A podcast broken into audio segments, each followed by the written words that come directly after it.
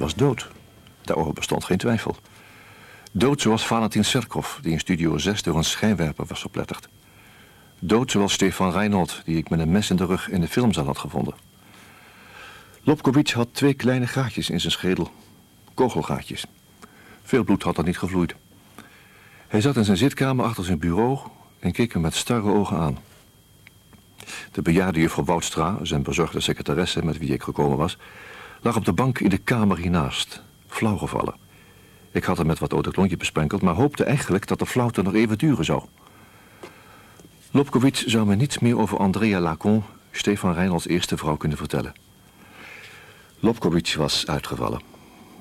Ik was weer te laat, voor de zoveelste keer te laat. Op zijn bureau voor hem stond een telefoon. Maar voordat ik die ter hand nam, schoot me iets te binnen. Ik nam een zakdoek in mijn rechterhand, zodat duim en wijsvinger bedekt waren. De brede boekenkast tegen de muur had vier deuren. Ik pakte de ene sleutel na de andere met mijn zakdoek vast en maakte ze zo alle vier open. Boeken, manuscripten, losse bladeren papier, brochures, maar niet dat wat ik zocht.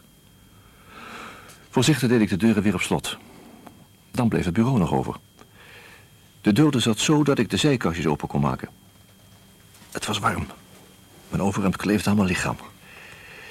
Ik ging op een hurken zitten en trok de lade open. En naast me zat Lobkowitz.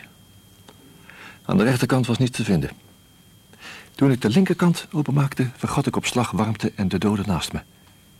Aan deze kant zaten boven elkaar twee archiepladen. Ik hief mijn hoofd op en luisterde of juffrouw Woudstra nog in zwijm lag. Ik hoopte dat dat zo zou blijven totdat ik klaar was. Maar ik hoorde niks. Was niet eenvoudig de kaarten er met een zakdoek uit te halen. Ze zaten aan de rechter onderkant met een ijzeren stafje vast, zodat je ze alleen schuin naar boven kon draaien. De letter L zat aan het eind van de bovenste la. Ik draaide de ene kaart na de andere eruit. Mijn vingers trilden, ze waren nat. Ik las namen, data en filmtitels. Van de meeste kaarten waren de randen beduimeld en wat gescheurd. Veel namen waren nauwelijks nog te lezen. Toen ik opstond, deden mijn rug en nek pijn. Mijn adem ging snel, alsof ik net een heel stuk hard gelopen had. Langzaam deed ik het kastje weer dicht. De naam Lacon was ik niet tegengekomen. Het was om wanhopig van te worden. Alles was me zo duidelijk. Alleen die laatste schakel ontbrak. Er was niets meer te achterhalen. Ik stopte de zakdoek weer weg, nam de horend van de haak en draaide het nummer van de politie. Ik zei een paar woorden en noemde het adres. En het was alsof ik in Studio 6 weer in het kantoor van de opnameleiding stond toen Stefan vermoord werd. Ze zouden zo wel komen. Ik liep van het bureau vandaan, leunde tegen de deurpost en dacht na over hoe het gegaan zou zijn eigenlijk. Maar heel eenvoudig. Er was gebeld. De oude man was opgestaan en had met een vriendelijke glimlach de deur opengemaakt. Hij had de bezoeker begroet en gevraagd binnen te komen. Misschien had hij ook wel gevraagd of hij iets wilde drinken. Maar de bezoeker had dat geweigerd. Lobkowitz had met een uitnodigend gebaar op de stoel voor het bureau gewezen. En dat was waarschijnlijk het laatste geweest. Daarna was hij zelf gaan zitten en was vermoord.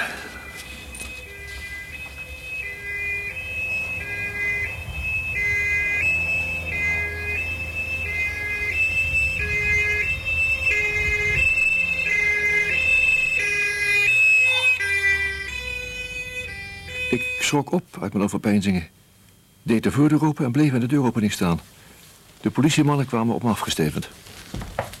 Goedemiddag, meneer. Heeft u opgebeld? Ja, inderdaad. Waar is de dode? Uh, in de zitkamer. Wilt u bij me volgen?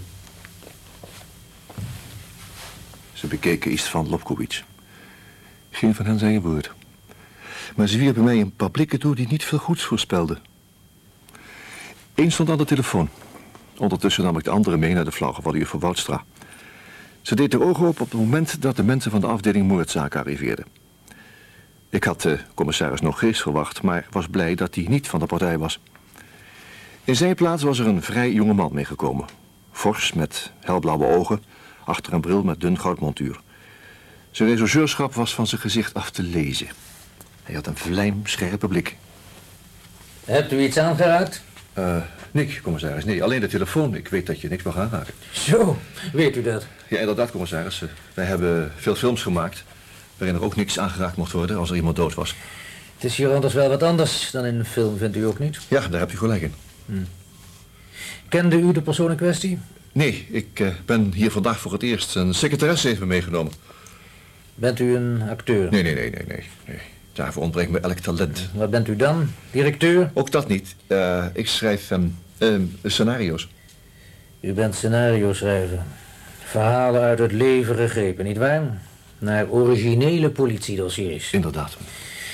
Ja. Ja, ter zake, hoe bent u in het huis gekomen?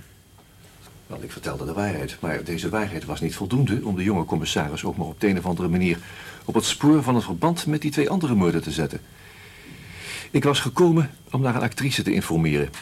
En wij waren naar Lobkowitz gegaan omdat hij niet was komen opdagen.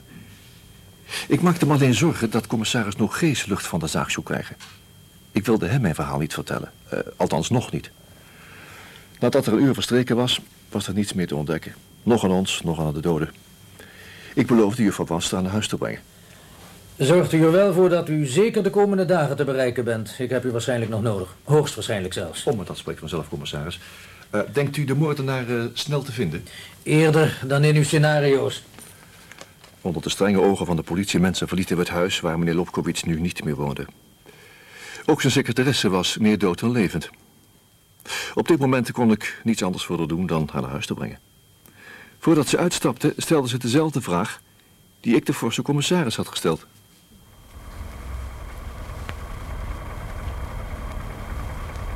Gelooft u dat ze de moordenaar snel zullen vinden? Ja, daar ben ik van overtuigd. Arme meneer Lobkowicz. Tot ziens, meneer Troebel. En nog wel bedankt.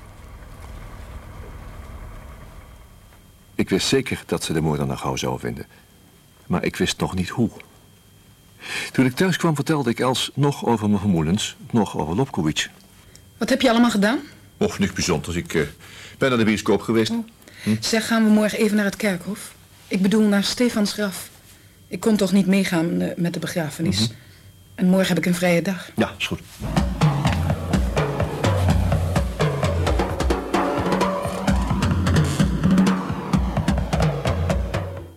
Ik zette mijn wagen op het parkeerterrein vlak voor de ingang van het kerkhof. Er was geen andere auto te bekennen. Iets van de stilte van de graven lag ook over het parkeerterrein. En ook Els deed haar portier zachter dicht dan gewoonlijk. Er stonden een paar bloemenstalletjes op het trottoir.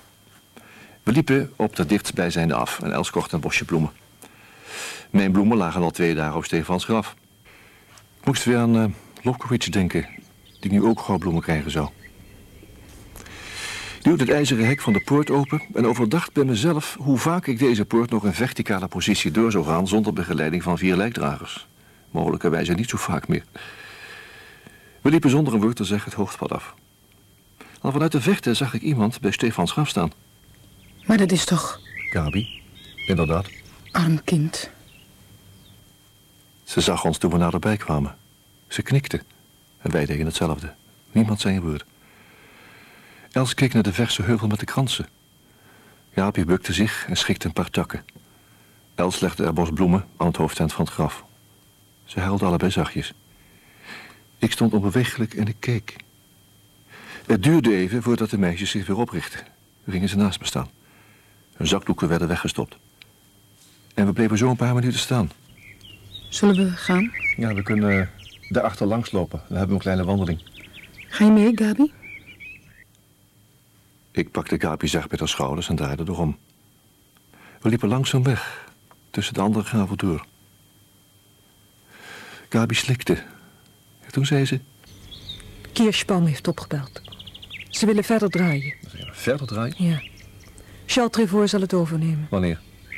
Over een week. Over een week al? En dan met Trevor? Dan wordt het toch nog een tweede rangsfilm. Ja, maar Stefan zal zo omdraaien is een... Hans. Ik hield mijn mond.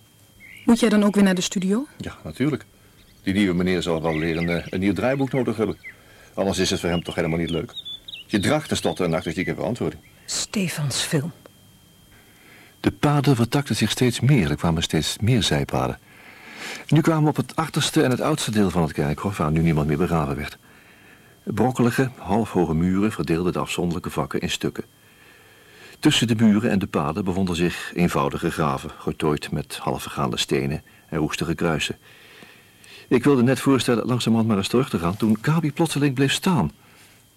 We bleven allemaal staan. Ik keek haar van opzij aan.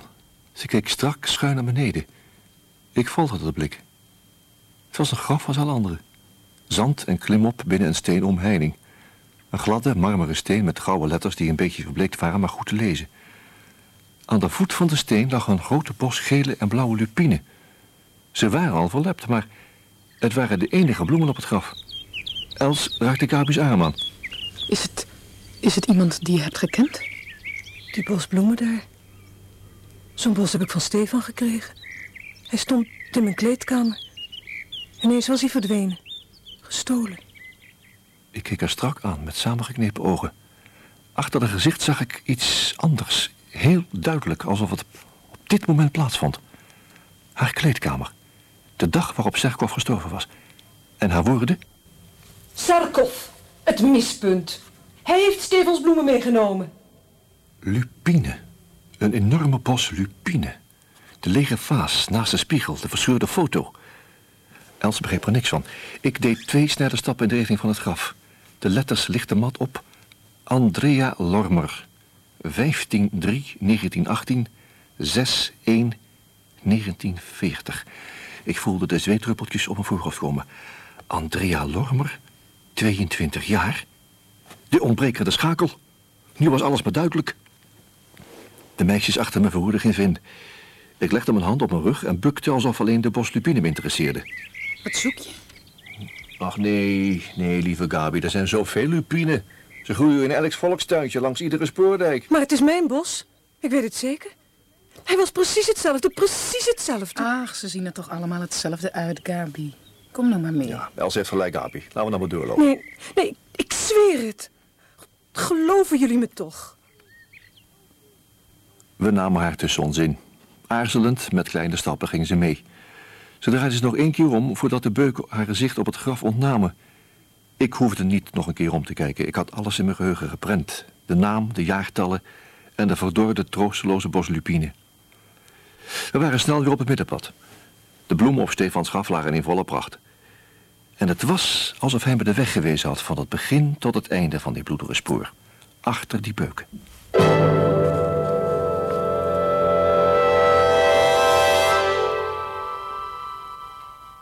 Er moest nog één ding worden gedaan en dat deed ik dan gelijk de volgende dag.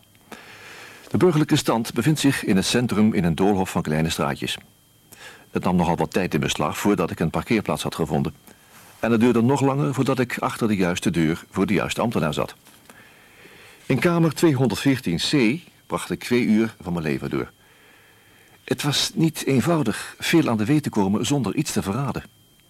Maar toen ik de kamer verliet, wist ik alles. Liep terug naar mijn auto en reed naar huis. Ik was triest en bang. Ja, het moeilijkste gedeelte kwam nog.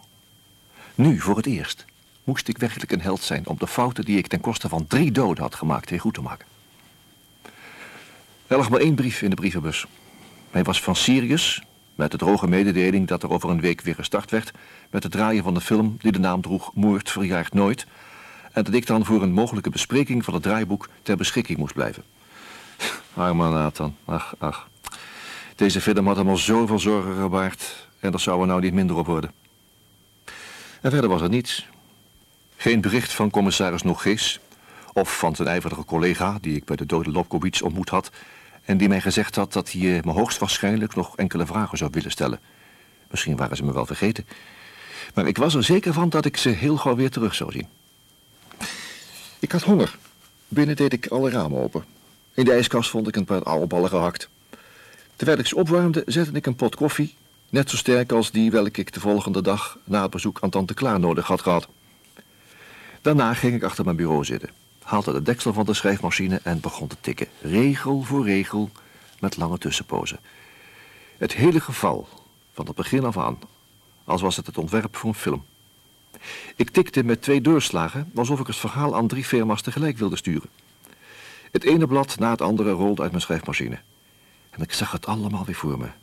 De dode en de levende, Studio 6 met zijn gangen, zijn filmzaal en een grote donkere studioruimte. Toen ik klaar was, was de zon al onder. Ik legde de bladen en de doorslagen in de juiste volgorde en las het allemaal nog een keer van het begin tot het eind door. En ineens overviel me de twijfel of het allemaal echt zo was gegaan, zoals het daar stond. Maar hoe verder ik las, hoe meer die twijfel verdween. Het moest zo zijn geweest en niet anders. Het origineel stopte ik in een envelop en adresseerde die aan commissaris Nogees, hoofdbureau van politie. Ik trok mijn jas aan en liep naar beneden. Twee straten verderop was er een brievenbus. Hij zou nog worden gelicht om 23 uur. En ver hoefde die brief niet. Toen ik terugkwam, zag ik dat boven in de zitkamer het licht werd aangedaan. Alleen Els had een sleutel. Oh ja, zij moest het zijn. Hopelijk. Iemand anders had vast niet het licht aangedaan, maar in het donker op me gewacht. Of ik moest denken dat het Els was. Mijn heldenmoed was weer niet voldoende om de waarheid meteen vast te stellen. Ik sloeg de volgende zijstraat in, waar een telefooncel stond. En ik wist nog niet wat ik zou doen als er ondanks de verlichte ramen niemand op zou nemen.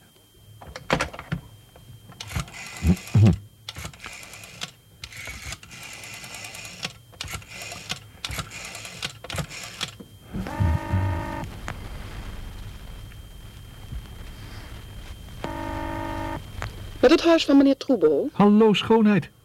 Waar hang jij nou weer uit? Oh, ik ben een klein wandelingetje wezen maken. Ik, eh, omdat ik alweer een beetje zwaarder ben geworden. Hoewel ik niks te eten krijg. Niks te eten. De pan drijft anders nog van het vet. En alle gehaktballen zijn verdwenen. Afwas is er ook niet meer bij, hè? Als de man gaat afwassen, is het einde zoek. Ik ben er zo hoor, lief sloofje. Dat is je dan geraden ook. Op weg naar huis bedacht ik me dat eh, het erg verstandig was geweest de deurslagen van mijn brief goed op te bergen. Els ontving me in een nieuwe blouse van ongeveer 28 gulden. En, hoe vind je hem? Geweldig zeg. Sinds ik zonder werk zit, word jij steeds zuiniger. Maar nu gaan we godzijdank verder draaien. Draaiing zoom. In de keuken lag een berg levensmiddelen. Daaronder een enorm pak kalfschnitzels. Nou, Het is een wonder dat jij er geld over had voor een blouse, zeg. Maar wat heeft dat te betekenen? Boontje komt om zijn loontje. Jij hebt Hugh laatst uitgenodigd zonder mij wat te zeggen. Nu heb ik het gedaan. Hij komt morgen eten. Ik ging langzaam op de keukenstoel zitten. Komt het je niet goed uit? Eh, eh, ja, ja, natuurlijk. Ik heb morgen nog een hele dag vrij. De baas is op reis. Zeg, trek niet zo'n gezicht als je een keer verrast wordt. Jij bent toch ook erg op Hugh gesteld, of niet soms? Natuurlijk, ja, ja. Ik heb hem opgebeld en hem ook verteld dat we op het kerkhof waren en Gabi daar tegenkwamen. Oh, en? Niks. En? Hij wist nog niet dat jullie verder willen draaien. Oh, Hij zei dat het hem niet interesseerde omdat hij geen draaidagen meer zou hebben. Klopt dat? eh, dat zou best kunnen.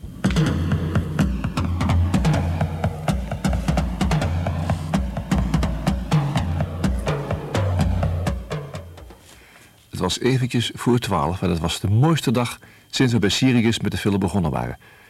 Het was een stralende hemel en de mensen op straat schenen het ook te zijn. Alleen ik zou willen dat het al avond was. Ik hoorde Els in de keuken zingen. Ze was aan het werk, als een echte kok. Ik liep in de badkamer. Ik zocht in het medicijnkastje naar bepaalde tabletten. Het waren dan zogenaamde rustgevende tabletten... die ik eens een keer van de studioarts gekregen had. Je moest ze innemen als je iets onaangenaams te wachten stond. Eh, een examen, een verhoor, een huwelijk of, eh, of een terechtstelling. Ik liet er drie in mijn hand vallen, liep naar de wastafel... en nam ze met wat water in, zonder dat Els er iets voor merkte. En toen liep ik naar de keuken om een pols hoogte te gaan nemen. Zeg, verdwijn alsjeblieft. Je loopt me alleen maar in de weg. Ik gehoorzaamde, maar niet zonder de jenever mee te nemen. Misschien losten die pillen in alcohol beter op. Ik had net ingeschonken.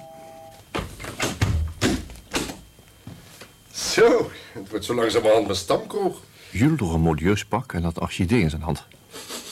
Ruikt veelbelovend, hè? Kom erin. Dank je. Sinds ik jou ken, krijg ik beduidend meer te eten, hoor. Oh, ze heeft me volledig overdonderd. Ik kon er geen woord tussen krijgen. Oh, dat is helemaal niet waar.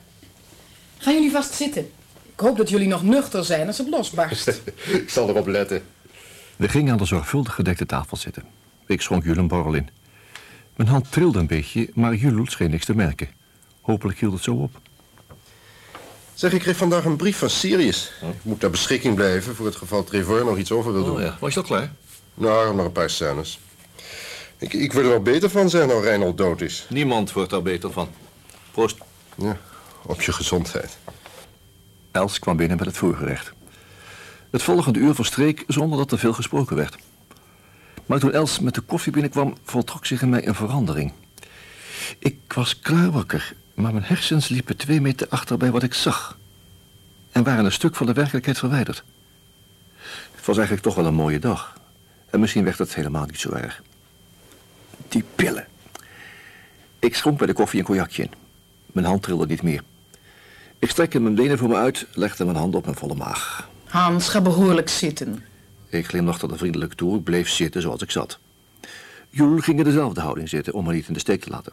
Eigenlijk was het een prima kerel. We rookten de sigaret en bliezen kringetjes in de lucht. Rondgegeten en tevreden. Een aardig gezellig stel. Ja, het was alleen de vraag, hoe moest ik beginnen? Voor de tweede keer binnen 24 uur bood Elsje, zonder het te weten, mij de helpende hand. Zeg, Jules, je moet me toch eens vertellen wat jullie daar in die artiestenkroeg hebben uitgevoerd. Van hem krijg ik toch niks los. Ah, het was heel onschuldig. Een beetje alcohol, keurige omgeving en een leuke vechtpartij. Vechtpartij? Ja, er was iemand die me mijn das wilde afrukken en toen heeft Joel me gered. Natuurlijk. Eerst begin jij ruzie te maken en dan moeten anderen de zaak weer voor je opknappen. Is het zo niet gegaan? Ja, precies zo, ja. Had ik het niet gedacht. En toen? Nou, toen kwam de bazin en zijn we verder gegaan. Was het knap? Oh, beeldschoon hè. en slank als een den. Trouwens, dat hele figuur. Oh. Ik wil er ook zien. We nemen je de volgende keer mee. Zeg, om Hans, kunnen we er vanavond niet naartoe gaan? Wat denk je ervan? Nou, als er niks tussen komt, lijkt me dat een uitstekend idee. Wat zou er tussen moeten komen? Zijn ogen bleven op mijn gezicht gericht. Ik zag heel duidelijk de spikkeltjes, onze pupillen. Zijn woorden werden iets trager. Overigens heb je die, eh, hoe heet die, de Lipkovic of zo nog te pakken kunnen krijgen. Je weet wel, die man waarover tante Clara het gehad heeft. Het was zover. Ondanks mijn pillen en ondanks de alcohol wist ik dat het een verdomde onderdenkendheid was die Els en mij het leven zou kunnen kosten. Maar ik had me zo vaak teruggetrokken en me zo vaak gedrukt, dat wilde ik niet meer. Ik knikte langzaam. En? Wat heeft hij je verteld? Hij eh, kon me niet veel meer vertellen. Waarom niet? Er viel een korte stilte. Ze merkten nu allebei dat er met mij iets aan de hand was. Je bent weer dronken, Hans Troebo. Ja, ik was nogal in de war, weet je. Hij zou me misschien iets verteld kunnen hebben, maar hij had twee kogels in zijn hersens. Ja, en die hinderden hem op de een of andere manier. Wat zeg je? Ik ben bij hem thuis geweest. Hij was dood. Vermoord. Maar dat is... Waarom heb je er helemaal niet... Wie over- heeft hem doodgeschoten? Maar Jules, wie hem doodgeschoten heeft? Jij, onze vereerde gast, meneer Thomas Justel. De jonge, veelbelovende acteur. Hans, alsjeblieft. De vrolijke rimpels in Jules gezicht verdwenen als sneeuw voor de zon. De spikkeltjes in zijn ogen begonnen te dansen. Ik was zo vreselijk benieuwd wat er de volgende seconde zou gaan gebeuren. Hij stond langzaam op. Zijn bewegingen waren rustig, maar zonder haast. Hij ging naast zijn stoel staan, deed twee stappen naar achteren, zonder mij uit het oog te verliezen. Hij stond nu in de hoek die de muur met de deur vormde. Niemand kon langs hem heen. Zijn armen hingen langs zijn lichaam. Ik wachtte op de volgende beweging van zijn handen. In plaats daarvan was Els de eerste die zich bewoog. Ze sprong op, liep naar Jules toe en pakte hem bij de linkerarm. Haar gezicht drukte zoveel woede en zoveel wanhoop uit als ik nog nooit gezien had. Let niet op hem, Jules. Let niet op hem. Hij is weer dronken. Oh god, ik schaam me zo. Maar dat met Lobkovic was nog niet het ergste. Hij was er maar een vreemde. Hoe ervaar je het eigenlijk, Jules, als je je vader van achteren neersteekt? Nee, nee. Zijn gezicht was een lelijk verwrongen masker, niet meer dat van vroeger. Els klampte zich aan hem vast. Alle woede, alle teleurstelling was uit de ogen waarmee ze hem aanstaarde af te lezen. Ik voelde me op dit moment nogal alleen. Hou op. Hou eindelijk op. Hoe kun je? Ik zou willen dat ik dronken was. Ik heb het geprobeerd, maar vandaag lukte me dat niet. Spijt me erg, Jules. Helemaal omdat het de laatste keer is dat we samen een borrel zullen drinken. Dat geloof ik ook. Wil jij een verhaal horen voor je gaat? Als het een goed verhaal is. Het is geweldig. Je vader zou het in scène hebben moeten zetten. Maar hoe zou je dat nu nog kunnen doen? Jules, als ik nu mijn hand in mijn zak steek... dan doe ik dat alleen om er een foto uit te halen. De foto van je moeder. Ga je gang. In februari 1939, Jules, werd er een vrouw van een man gescheiden. Hij heette Stefan Reinhold. En ze moet erg veel van hem gehouden hebben. Na de scheiding kreeg ze een kind. Maar ook dat kon er niet overheen helpen. Ze stierf op 6 januari 1940. Het kind groeide op bij familie. De moeder had bij de geboorte het al de naam van de vader verzwegen. Ik weet niet of het niet uit schaamte was of uit teleurstelling, ik weet het niet. Ze wilde niet dat Reinhold iets over het kind aan de weet kwam. De lieve familie vertelde de jongen dat verhaal toen hij oud genoeg was. En deze jongen ben jij, Jul. Ga verder. Els had de handen nog steeds op Jules arm. Maar voor de eerste keer gleed haar blik even langs zijn gezicht. Verder, zei ik. Toen ben je acteur geworden. Dat is geen wonder met zulke ouders. In jouw eerste film met Reinhold heb je je vader verdragen. En daarna ben je op het idee gekomen de grote wreek te spelen. Zoals in een slecht scenario van Trobo. Hm? Jij bent s'nachts naar de studio gegaan. En jij hebt de schijnwerper losgeschroefd. Vlijtige Hans hier was nog aan het werk. Heeft je gehoord? Jij hebt hem ook gehoord. Je hebt als een deur gemorreld. Ik weet niet of je hem vermoord zou hebben als hij open was geweest, maar laten we even aannemen dat je hem alleen goede nacht had willen wensen. De volgende dag stond je naast me op de scène, naast de andere deur van het vertrek. Voordat er voor de tweede keer gedraaid werd, heb jij je onopvallend teruggetrokken. Niemand heeft iets gemerkt. Maar Jules, jij kon niet zien dat Reinhold opstond en Serkov in zijn plaats op de troon ging zitten. En toen er gedraaid werd, heb je kort maar krachtig aan de kabel getrokken. Daarna ben je snel weer door de deur geklipt en ben je weer naast me komen staan. Maar toen zag je dat je je vergist had. Maar dat is toch niet mogelijk? Zo was het gegaan, Jules. Ik herinner me nog precies dat ik me van schrik aan je wilde vastgrijpen toen dat ding naar beneden kwam. En dat ik in de lucht greep omdat jij nog niet terug was, ja. In elk geval heeft deze vergissing je vader niet veel geholpen. Drie dagen later was het zijn beurt. Je hebt gewacht tot iedereen uit de filmzaal verdwenen was. Stom genoeg ben ik ook weggegaan omdat die uh, lieve Elsje het niet pikt dat ik later kom zonder even op te bellen. Jij hebt Pauls kamerjas aangetrokken om de zaak een beetje ingewikkelder te maken. En toen ben je eventjes naar de filmzaal teruggegaan. En je hebt zelfs geriskeerd dat de operateur je zien zou. Hij heeft je niet gezien, tot je geluk. Je vader trok zijn niks van je aan, zoals hij dat al 33 jaar niet gedaan had. En dat was zijn grote fout. En toen kwam ik terug en ik vond hem. En voor op het scherm danste dat meisje. Het was een schitterende prestatie, Jules. Dat moet ik werkelijk zeggen. Hans, maar Hans, dat kan toch niet? Ik kijk hem nu net zo strak aan als hij mij. Met een eerlijke woede in mijn hart, ondanks die pillen. Els zag er radeloos uit en ze huilde. Ze deed een stap van hem vandaan. Ze was al op weg naar mij. Jij schijnt alles nog wel precies te weten, hè? Maar zo precies wist ik het helemaal niet. Maar toen stuurde Nathan, onze voortreffelijke producer, me naar Stefans ex-vrouw. En zij vertelde me over je moeder. En ze liet me toen deze foto's zien. Hier, deze foto's. Eerst dacht ik dat ik er wel eens in een oude film had gezien of misschien op een kalender. Maar toen schoot me ineens iets anders te binnen. Ze lijkt op jou, Jules. Of beter gezegd, jij lijkt op haar. Kijk maar als hier, precies zijn moeder. Nee, nee. Maar ze wierp toch een stilse blik op de foto. Ze durfde alleen niet naar Jules te kijken. Hij keek maar heel even alsof hij het gezicht al heel goed kende. En toen? En toen? Toen ik zover was, begon ik te fantaseren, Jules. Dat ligt nu eenmaal in de lijn van een scenario schrijver, anders zit hij gauw zonder werk. Hoort bij het beroep, hè?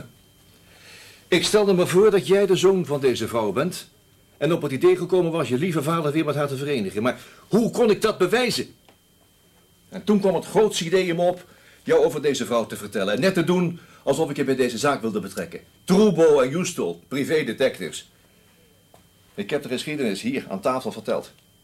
Maar die foto heb ik in mijn zak laten zitten, omdat ik bang was dat Els de gelijkenis zou zien. Ze ziet altijd alles wat ze niet moet zien, begrijp je wel? Het was een risico, maar het was ook de gelegenheid om te kijken of je fouten zou maken. En je hebt er een paar gemaakt, Jules. Wanneer ik de commissaris meteen op jouw spoor had gezet, zou ik waarschijnlijk uitgelachen zijn en hadden ze jou niets te lasten kunnen leggen, omdat er nauwelijks iets te bewijzen viel. Maar nou zijn alle wegen samengekomen. Dat lijkt mij ook. Els had opgehouden met huilen. Ze deed iets onverwachts. Ze liep snel en vastberaden naar de tafel toe en pakte de foto op. Haar ogen gingen van de moeder naar de zoon en terug. Verschillende rimpels boven haar neus. Ze stond nu even ver van mij als van Jules verwijderd. Hij bewoog zich niet. Op zijn gezicht was die zweem van koppigheid verschenen die er tot nu toe niet geweest was. Ik moest dit afhandelen zolang mijn pillen nog werkten. Er is inderdaad een gelijkenis. Nadat ik zo ver gekomen was, ben ik er eens over nagedenken. Hoe jij je van het begin af aan gedragen hebt, Jules. En dat, dat, dat, dat was vaak heel grappig. Toen wij elkaar in de kantine hadden ontmoet... en ik je daarna weer in Stefans kantoor zag... heb je hem zo vreemd aan zitten kijken... Alsof je midden in het oerwoud een beer in rok tegenkwam. Het was niet louter verering, Jules. Daarna kwam die scène met Gabi, waarin je zo op, eh, op je filmvader moest schelden. Maar je hebt te mooi gescholden. Je hebt het te echt gespeeld. Dat viel zelfs Els op. En Reinhold was perplex over je prestatie. Jij hebt je eigen vader voor ogen gehad, Jules. Je vader die je wilde vermoorden. Dat was het. En toen ik jou voor de schijn van mijn vermoedens op de hoogte had gesteld, kon ik je beter in het oog houden. Je bent meegegaan naar de groep van tante Clara. Om te zien wat ik daar zou uitvoeren. En eh, of zij iets wist over die Andrea Lacon. Jules, ik heb gezien hoe je alle foto's aan de muur hebt bekeken om te kijken of er een, van je moeder bij was. En ik zag hoe jij schrok toen ik de foto ineens uit mijn zak haalde. Het was jouw geluk. Het, het was mijn ongeluk dat de oude Bazin net overleden was. En daarom heb je ook zo geweldig goed opgelet toen tante Klaar over Lopkowitz vertelde.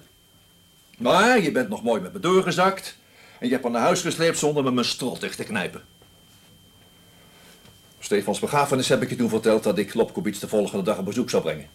Nou, ik ben slim genoeg meteen gegaan. Maar hij was niet meer op kantoor. En terwijl ik sprak met zijn vriendelijke secretaresse, toen belde er een zekere meneer Van der Berg op, die naar het privéadres van meneer Lopkowitz vroeg. Jul, ik heb mijn oren gespitst. En ik verwed er mijn hele kapitaal onder dat jij deze Van der Berg bent geweest. Want jij moest eerder bij de Lopkowitz zijn dan ik. En je was er ook eerder. Nou, we hebben hem de volgende dag gevonden. Naar Andrea Lacon kon ik hem niet meer vragen. Ik kon ook een archiefkaart met een naam erop in zijn bureau vinden. Van nou was alles duidelijk. Alleen jij en tante Clara wisten dat we alleen via Lopkowitz iets over je moeder aan de weet konden komen. Maak je verhaal maar af. Ik stopte even en ik veegde langs mijn voorhoofd. Het was toch een beetje vochtig. Els legde de foto op de tafel terug. Ze kwam langzaam naar me toe, zonder Jules uit het oog te verliezen. Toen stond ze naast me. En dat gaf me nieuwe kracht. Kijk eens naar Els, Jules. Daarnet dacht ze dat ik gek was of dronken. Maar weet je, vrouwen hebben met hun oren lief. Je moet alleen maar de juiste sprookjes vertellen. Dit is jammer genoeg geen sprookje. Hoewel het er wel op lijkt. Twee dagen geleden was ik er nog niet helemaal zeker van mijn zaak. Maar toen, Jules, toen wreekte zich de grootste fout die jij hebt gemaakt. Het was bijzonder stom Lopkowitz neer te schieten. Je bent een beetje nerveus geworden misschien? Want misschien had hij hem helemaal wel niks kunnen vertellen. Alles was duidelijk. Alleen de meisjesnaam van je moeder ontbrak nog. En jij hebt me er zelf heen geleid. Ze ligt op het Zuiderkerkhof, joh, niet ver van je vader af. En jij wist dat al vanaf het moment dat ze jou over haar hadden ingelicht. Maar van ons wist niemand dat. En toen heb jij de kwaadaardigheid verzonnen een bos bloemen die Stefan aan Gabi had gegeven te stelen en op het graf van je moeder te leggen. Lupine! Joh, ik weet nog precies hoe woedend Gabi was toen de bloemen waren verdwenen. Ze dacht dat Serkov ze had weggehaald. Eergisteren heeft ze de bos herkend, toen we nog wat over het kerkhof liepen. En voorbij die oude graven kwamen. Heeft hij nooit bloemen gebracht? Hij gaf ze alleen maar aan anderen. Els keek me aan als een geest. Ik streelde de hand. ik wist dat Gabi gelijk had. Op het graf stond Andrea Lormer, met de geboorte en de sterfdatum. Dat was de meisjesnaam van je moeder, Jules. En dat was nou precies de naam die mij ontbrak, om meer over deze vrouw aan de weet te komen. Moordenaars zijn vaak sentimenteel, Jules. Alles wat jij wilde verhinderen, hebben die Lupine aan het licht gebracht. Deze kleine, lieve, onnodige attentie. Ja, dat was het eigenlijk allemaal. Bedankt dat je zo lang naar me hebt willen luisteren. Maar ik neem aan dat het je interesseerde. Gisteren, Jules, ben ik op pad gegaan. En heb me net zo lang door het bureau van de burgerlijke stand geworsteld... tot ik de juiste man met de juiste gegevens te pakken had. Verzeker je een moeizaam werk, afschuwelijk. Maar het klopt allemaal, Jules. Het was je moeder. Ze heette Lormer. Andrea Lormer. Artiestennaam Lacon. Was twee jaar met Reinhold getrouwd, toen gescheiden en daarna... Je weet het zelf. Jij bent door een aangetrouwde oom geadopteerd en je hebt zijn naam aangenomen. Thomas Justel. Of moeten jullie nou te lange lessen nog Reinhold noemen? Nee.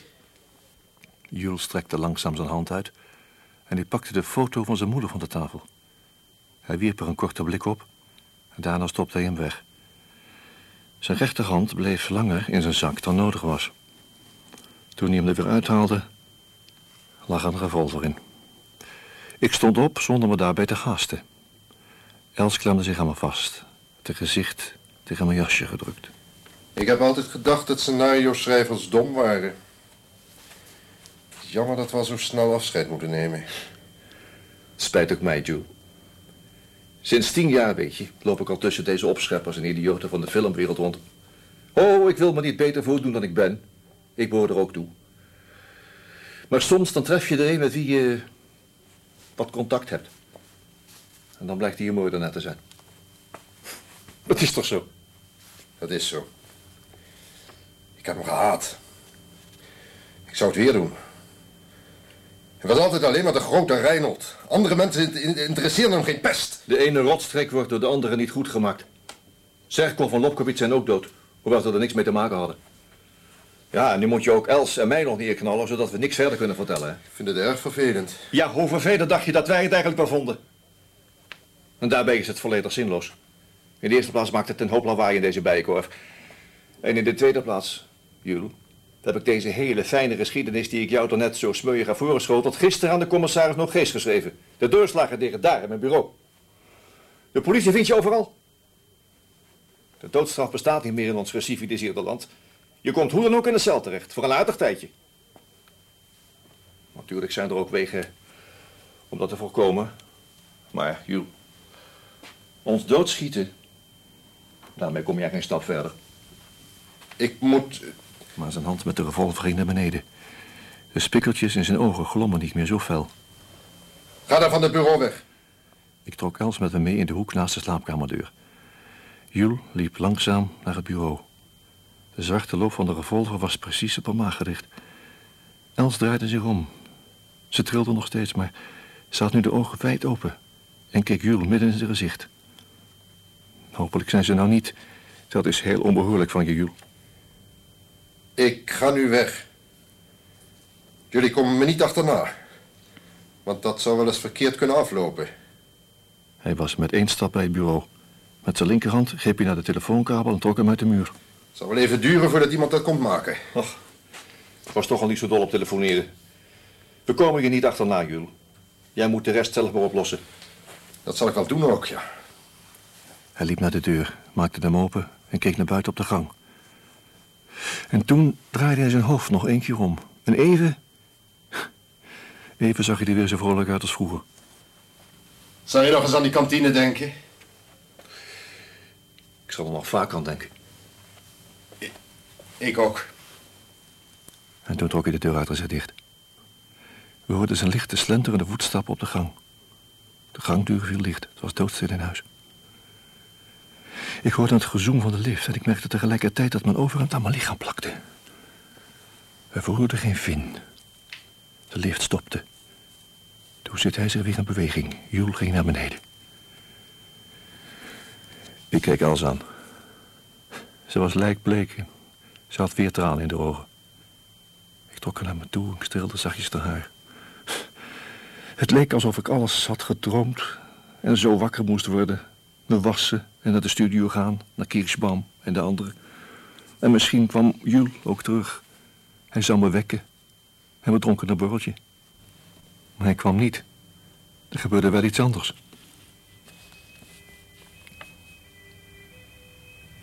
Door de open balkondeuren klonk het loeien van de sirene beneden op straat, als voor het huis van Lopkowitz. Ik wachtte tot het geluid voorbij zou gaan en weg zou sterven. Mijn knieën trilden, mijn hart bonkte in mijn keel. Die pillen hielpen geen s'nachts meer. Sirene onder ons raam, het gegil van remmen. Els draaide zich plotseling om. Heb je...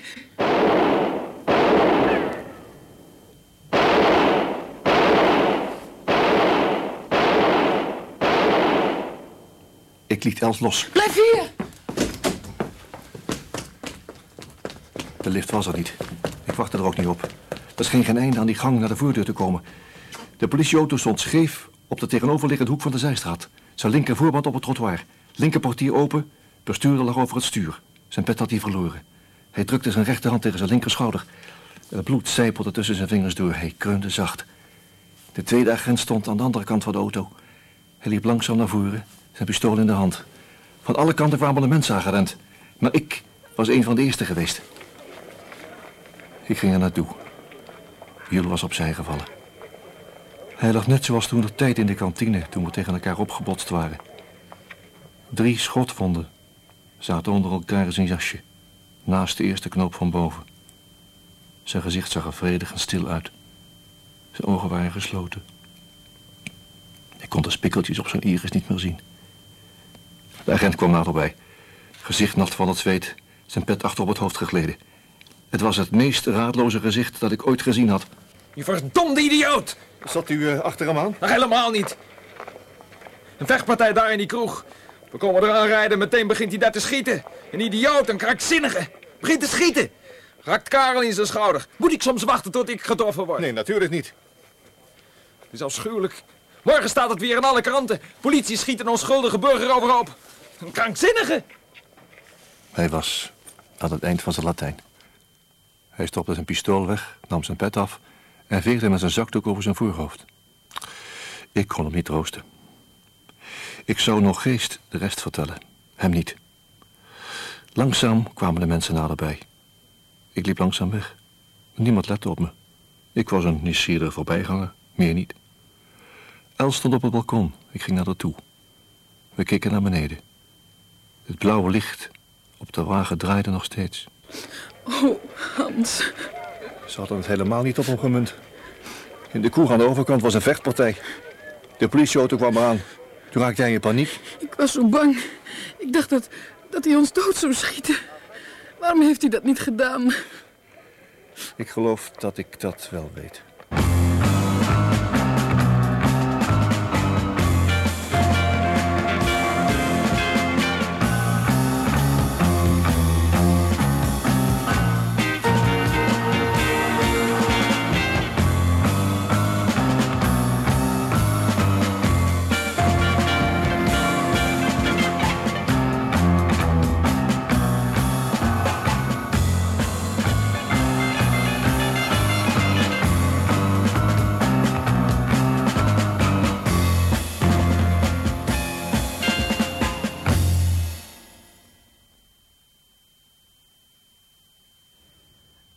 Zitten en sterf. Dit was het vijfde en laatste deel van een hoorspel naar de roman van Hans Krul, bewerkt door Hans-Georg Bertolt.